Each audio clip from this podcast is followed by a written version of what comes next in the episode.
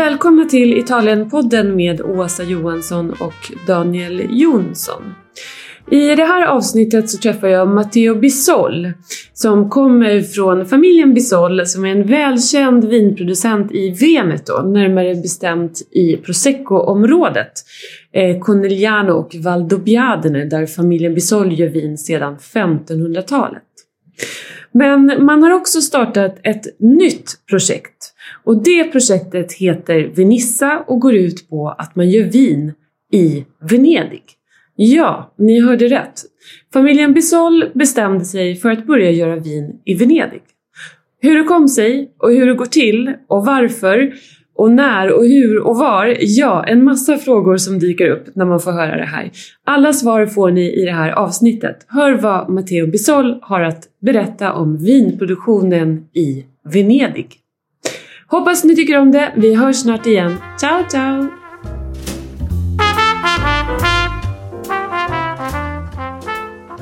I'm uh, Matteo Bisol. Um, I'm uh, 35 and I come from a family of uh, winemakers and grape growers from a, from a long time. Uh, the project in Venice started uh, because uh, my father, it was 2002, he was visiting Torcello Island. We are in the in the lagoon of Venice, close to Burano, um, the island of the colorful houses, famous for the colorful houses. he saw some vines in a in a back garden of a house. And so he, he, was very surprised to see vines in uh, in the Lagoon of Venice because nobody was making wine at the time, uh, and he never heard about uh, wines in in Venice. So he knocked the door of the lady, of the owner of the house, and uh, he discovered an amazing history, a history that goes back uh, 2,500 years ago. So that's uh, the the length uh, of the tradition of um, grape growing in the Lagoon of Venice. Uh, and he discovered also that there was uh, a local grape variety called the Dorona, which means the golden grape, that was almost extinct. So he, he was able to find, and actually we were able to find because I, was uh, young at the time, but I was already uh, into into wine, uh, and and I was traveling with him with a little boat and a bicycle, knocking doors around the, the Laguna of Venice. Oh, really? oh, yeah. yeah. Oh, and how, how did they react when you came and asked about this grape variety? We they they were they were happy because uh, uh, they knew that they had something you know that was important. That was uh, uh, something that uh, was part of their, of their tradition. And uh, it was something that was almost uh, forgotten. So to see somebody that uh, had so much enthusiasm about about this uh, you know they were very happy and generous in sharing uh, informations uh, grapes to make microvinifications or, or pieces of, of wood to, to, to make a, a selezione massale to replant the vineyard. So we were able to find uh, around 80 vines in the Lagoon of Venice of this grape variety, and then to replant this uh, grape variety in the island of Mazzorbo, uh, close to Burano and Torcello in, in the same area, um, and and to restart the production of uh, of this wine and actually you know to restart uh, a, par- a, part of the history of, of Venice, the, the agriculture, because uh, um, these islands are actually not so close to the city center of Venice. Mm-hmm. Because uh, uh, today we are 20 minutes by water taxi, but uh, traditionally these islands used to be three hours from the city center rowing. Okay. Oh, okay. So, so it uh, was the, far away. It was like in the outskirts of the city. Yeah. Yes, exactly. So in fact, uh, uh, you know, when I got your email, I, I was almost responding, "We're not an urban winery." oh, right. because uh, yeah, because today, you know, the the islands are considered part of a city. But if we look from a historical point of view, uh, you know, these islands for uh, hundreds and hundreds of years has been three hours from the city. Mm. So, which mm. is far away, and the people that were living in this island were po- people very poor, very simple people that were living thanks to nature. Obviously thanks to water. Mostly Burano Island uh, has a strong connection with water, and most of them were fishermen. But uh, there are other islands, for example, Le Vignole. Already the name is, is telling you the connection with the vines. Uh, or San Francesco del Deserto used to be named uh, the island of the two vineyards, or Lazzaretto the place where the quarantine was made. Uh, it, before uh, it was called uh, the island of a walled vineyard. So in the same area, there are all also these names and these traditions that reminds us uh, that these poor people were living obviously growing the, the all the, the, the land that was available. And that was quite uh, it was making sense because there was not supermarket there was no amazon sure. no. so the first thing that were they were doing was simply growing all the land that was available and wine and grape uh, was very useful also because uh, water was a problem in venice it was not not a city where it was easy to find fresh water so you know people mm-hmm. used to drink a lot of uh, a lot of wine Mm, that's yeah no no exactly and and you, it's really incredible because when you think about Venice you think think about Piazza San Marco and Casanova and Piazza San Marco used to be a vineyard uh, up to the year 1100 there oh, used it to used to be vineyard. I didn't know that. Yes, I didn't know that. In you know, in Venice, the name of a piazza is not uh, piazza of the square. It's not piazza like the rest of Italy, but it's campo. Uh, oh, campo right. means yes. uh, field, and that was because uh, uh, in the they they always grow uh, grew all the all the piazza in Venice uh, because there was a obviously it's a city with a lot of water but with a big lack of of soil and land. So all the all the the soil, also the the squares and the campi, were uh, used to be grown by by Venetian people. And mm. also San Mark Square used to be there used to be a, a vineyard up to the year 1100. Yeah, that's uh, yeah, that's really incredible. But just to just to take a step back, because now it might sound to our listeners that your father just visited uh, Venice and saw a vineyard, but uh, your family has quite some experience when it comes to wine production, correct? Yes, yes. We are one hour north of Venice. Uh, in the area of uh, Valdobbiadene, which is uh, uh, known for the quality Prosecco production and uh, uh, we've always been uh, mm, grape growers actually from the 1500s, and then we had from the night from the late 1800s. We, my family ha- has its own winery. Um, and uh, it's a winery that always made uh, high quality uh, prosecco because now you know prosecco is is very fashionable, but you know the average quality maybe is not is not the best, I would say. yeah, no, you're from the DOCG area, exactly. the original exactly. area, not the extended. Which, which is area. a very beautiful area, UNESCO protected. It is. Uh, uh, which uh, which uh, very with with a lot of producers that are you know trying to to work with uh, making quality mm. and. And, and if you would compare um, the work with in Valdobbiadene and uh, and in in in Venice, uh, what are the biggest differences? uh, we, we, you know, we, you, we both have challenges because Valdobbiadene has uh, these very beautiful hills, uh, but very steep hills uh, and very difficult to work. So everything is is made by hand, especially on the best vineyards, for example, like Cartizze uh, or all that area. Uh, in the Laguna of Venice, you have different challenges. Uh, the main challenge, obviously, is also logistical. you know, to move mm. things from one island to the other island and then uh, um, it's uh, the relationship with the salt element because uh, there's a, quite a lot of salinity in in the soil. so you know our goal is obviously to protect the vine from high tides. Uh, in the past because now they just built this uh, MOSE system that is protecting the city of Venice from uh, um, from the high tides. So we do not have no long we no longer have high tides, acque mm. alte, in uh, in our vineyards. Uh, but still, especially with um, the the global warming, uh, um, it's and, and the lack of rainings of the last years, uh, it's um, it's really difficult uh, for the vineyard to to survive in the, in this type uh, of uh, of environment. Mm. And is the soil is it sandy or what kind of soil is it?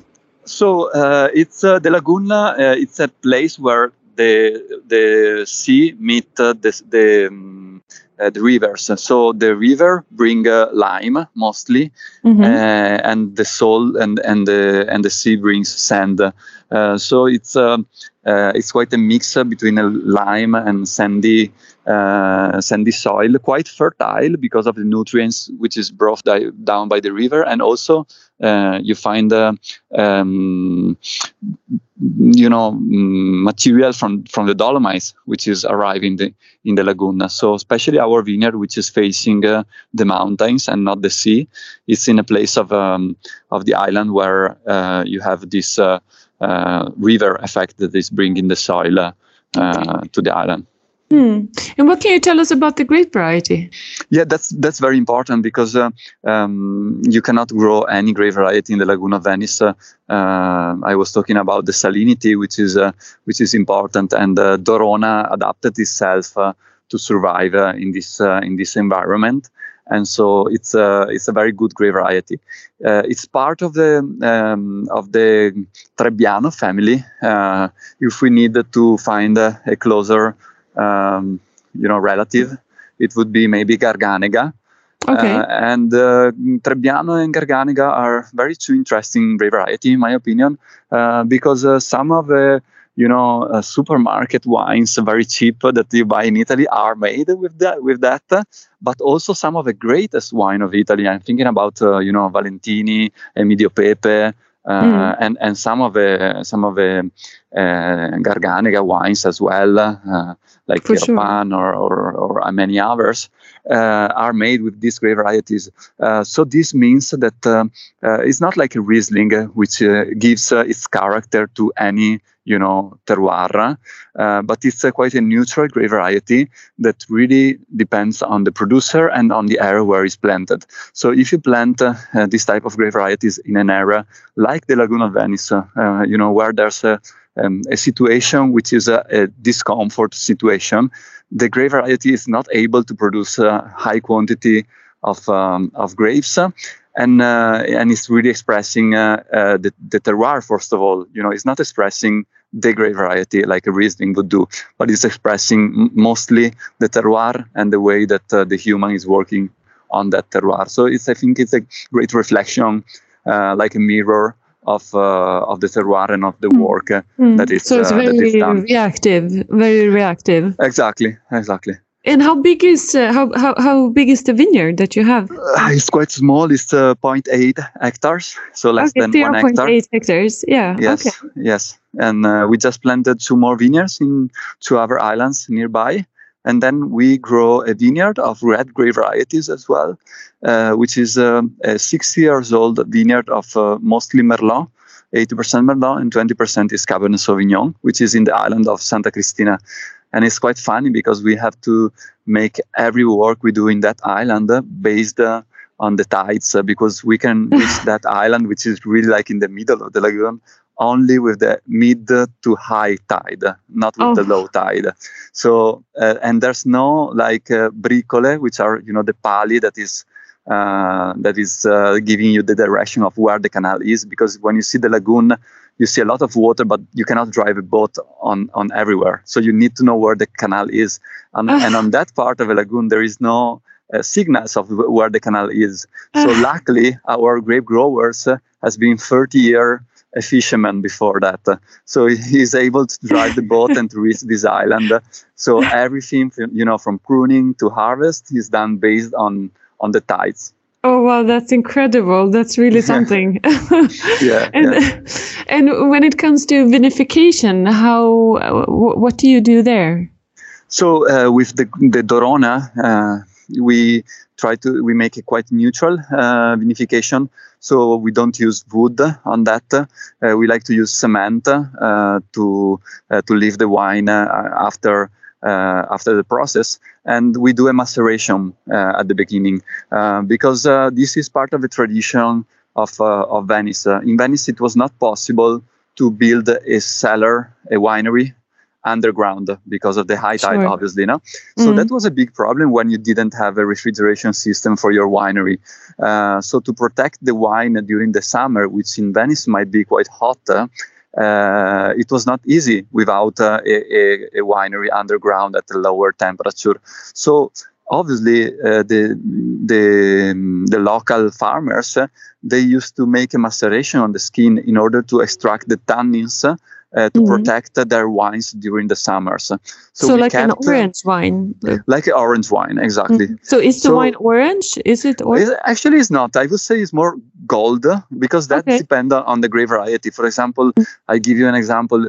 Uh, obviously, if you drink a Pinot, a Pinot Grigio, it's, it's very you know orange to to almost uh, pink. You know, if you mm. if you drink a Ribolla, might be very orange. But if you drink a Vitovska, even with a long maceration, it's yellow.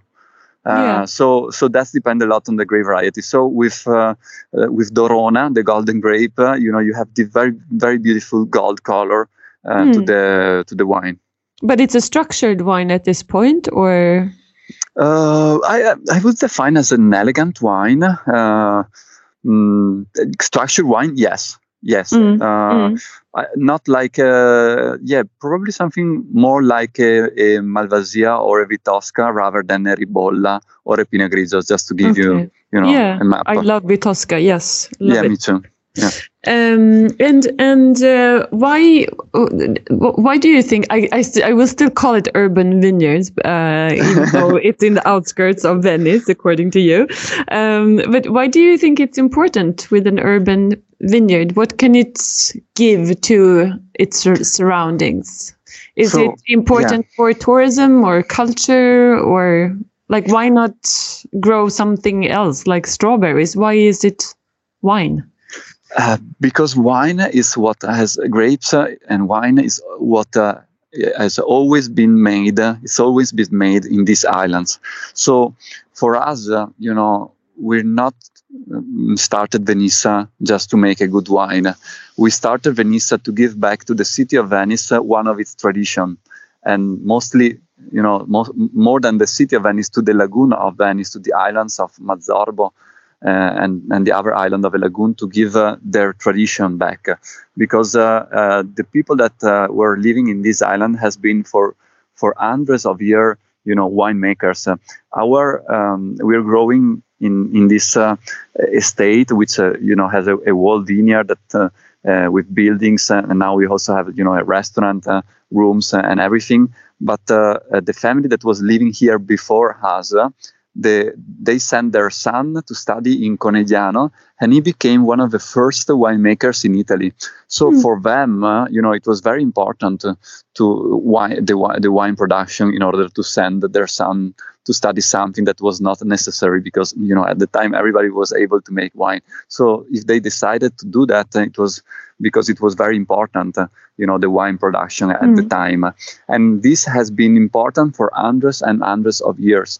So uh, and the type of agriculture that we do in our estate with the canals uh, and the, the, the, locks in order to manage the water is something that exists only in Venice. So I would say that viticulture is part of the history of the Lagoon of Venice. And when we understood this, uh, it was it became more important than just making wine you know so it's mm-hmm. not that we planted the vineyard in, in venice we replanted the vineyard where the vineyard was and we restarted a tradition that was almost lost so mm-hmm. for us uh, to keep alive a tradition uh, thanks to our work and thanks to the people that comes to venice and drinks our wines uh, is really you know a win-win situation that is uh, uh, is the type of business that is helping to preserve tradition and is, and is helping to develop uh, uh, place. Yeah, and it's also maybe I'm just talking now, and you can correct me if I'm if I'm if I'm wrong. But Venice has kind of lost uh, her spirit in the last year because of mass tourism. She has been invited, uh, um, invaded, sorry, by by by herds of of and millions and millions of of, of persons. But it feels like Venice is coming back to the roots a little bit and going back to the the values that she stood for. Um, yeah, I, I, don't know if I'm wrong, but that's the sensation no, you get from so, the outside. So definitely, uh, there's a, a, lot of people that comes to Venice. It's an amazing city that everybody you know should uh, should see. Uh, so I understand that uh, so many people are are coming to to Venice. Uh, what is important is to find a balance because Venice uh, need tourism and Venice is so beautiful because of tourism. Without tourism, the palaces of Venice would not uh, been so um, re- renewed and so beautiful. You know, mm. because of the five stars hotel, uh, these people, these hotels are able to keep their palaces very, very beautiful and to work with the local handcrafters to preserve the architecture that was made in the past and uh, even you know i don't i always smile when i see somebody in a gondola because i'm a little bit shy so i would not like sit in a gondola with other people on the bridge making photos of me. But actually it's thanks to them that still today Esquero which is a place where the gondola is made uh, is still working. And still you know this is a part of a tradition and a handcrafter that is able to build this type of gondola which is unique in the world and still today exist only because people are making the, the gondola tour in Venice.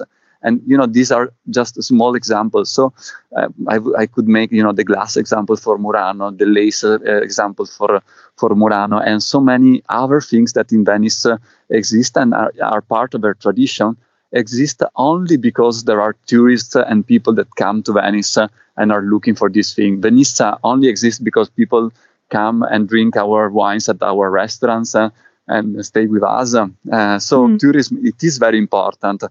What is important is uh, for the city itself to decide uh, that uh, and to understand, to be aware that too much tourism, you know, it, it, it is a problem. Uh, so we need to find the, the balance, the the the limit, you know, the the mm. number of the people that can visit Venice without, uh, you know, ruining Venice, and to decide that uh, and to, to, to live in this in this balance and and to try to to to choose a type of tourism that is uh, you know a tourism that keep alive uh, the real tradition of Venice uh, the type that I was mentioning you because you know if a tourist come in Venice and buy a souvenir that is been uh, built in China and shipped all over the world, polluting the oceans.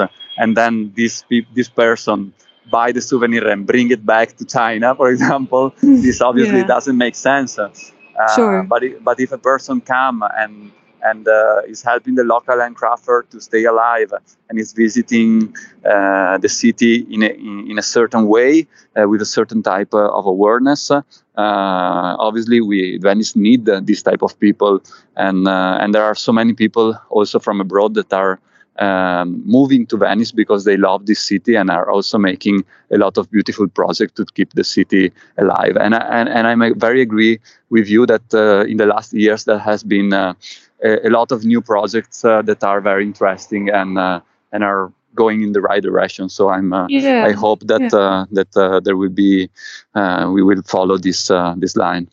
Yeah, because also uh, we named Venissa a couple of a couple of times, and that's a resort um, with uh, where you can stay and where you can eat in a lovely uh, restaurant uh, yeah. based on sustainable practices, and I think you can also taste your wines correctly. Exactly. Yes. yes. Yes. It's possible to visit uh, even to make wine tasting, to visit. And we have uh, we have rooms and we have two restaurants.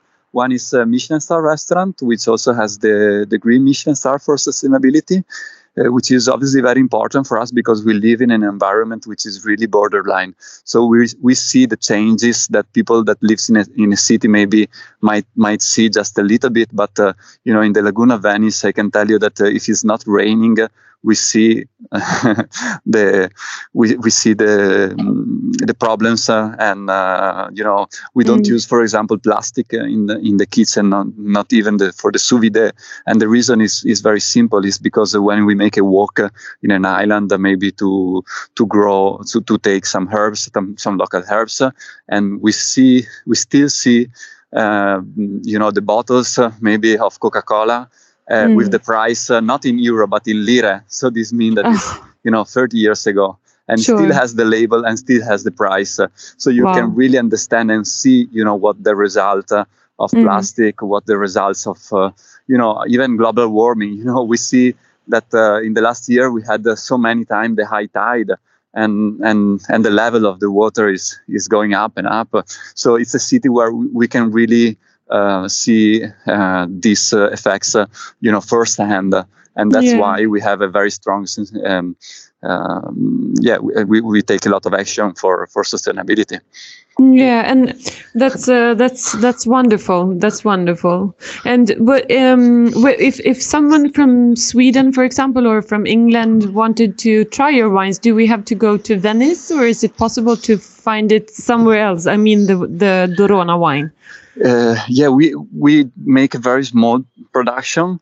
Uh, we we are able to to ship to to private people that, uh, but but not all the all the time. Depend on on on the moment of the year.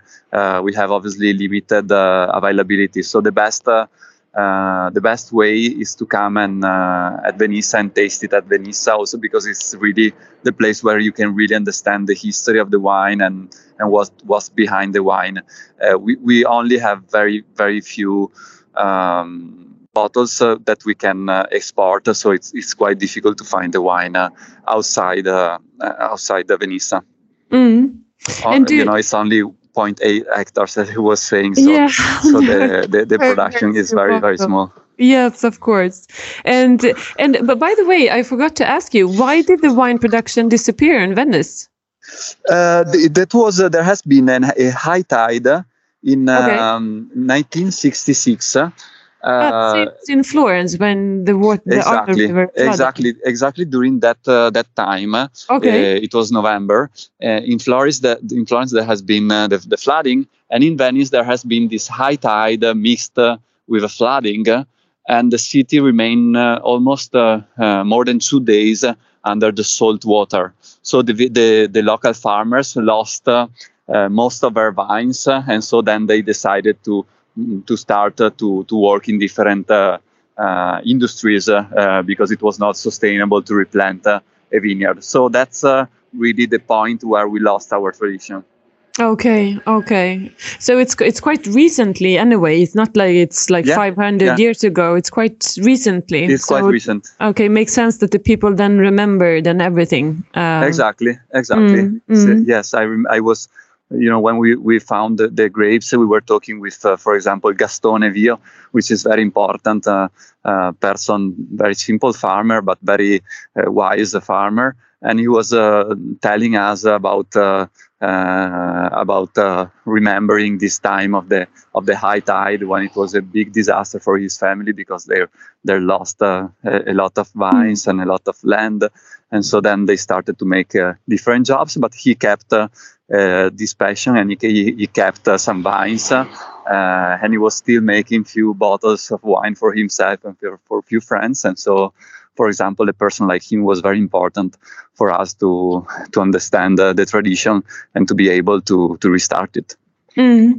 Well, that's that's that's interesting. And and um, do do you think we will see more uh, urban vineyards in the future in other cities? Do you think it's a growing phenomenon? Uh, as I told you, I, I'm not a big fan of, of urban vineyards. Uh, so if it if it makes sense, uh, yes. uh, But uh, you know, I would not just start a urban vineyards without uh, a, a tradition behind or without a reason. Uh, so know, it has to transmit other values. Not it's not just about wine. It's about culture and exactly social in, aspects. in our case uh, it's uh, it's definitely about uh, uh, about other values than just making a wine uh, in uh, in a city uh, but then you know uh, if if somebody is living in the city and has this passion about making wine you know why not he can do that uh, but uh, um, yeah, it's, it's not the background of, of our project because uh, our passion is really about uh, uh, restarting a, a tradition and a part of history of Venice that uh, after the, the floodings of the 1966 almost uh, the city lost. So uh, Mm. It's very beautiful to to be able now to uh, to have restarted this and to to have a, a business which is uh, sustaining a tradition and is keeping alive a tradition that's uh, really uh, fulfilling for us. Yeah, wow, that's wonderful. Thank you so much for all this information, and I hope that all our listeners will have the possibility to to come visit you in in in Venice or in Valdobbiadene. Both places yes. are beautiful. Yes, yes, yes, absolutely, absolutely. Thank you. Thank, Thank you. you. Grazie.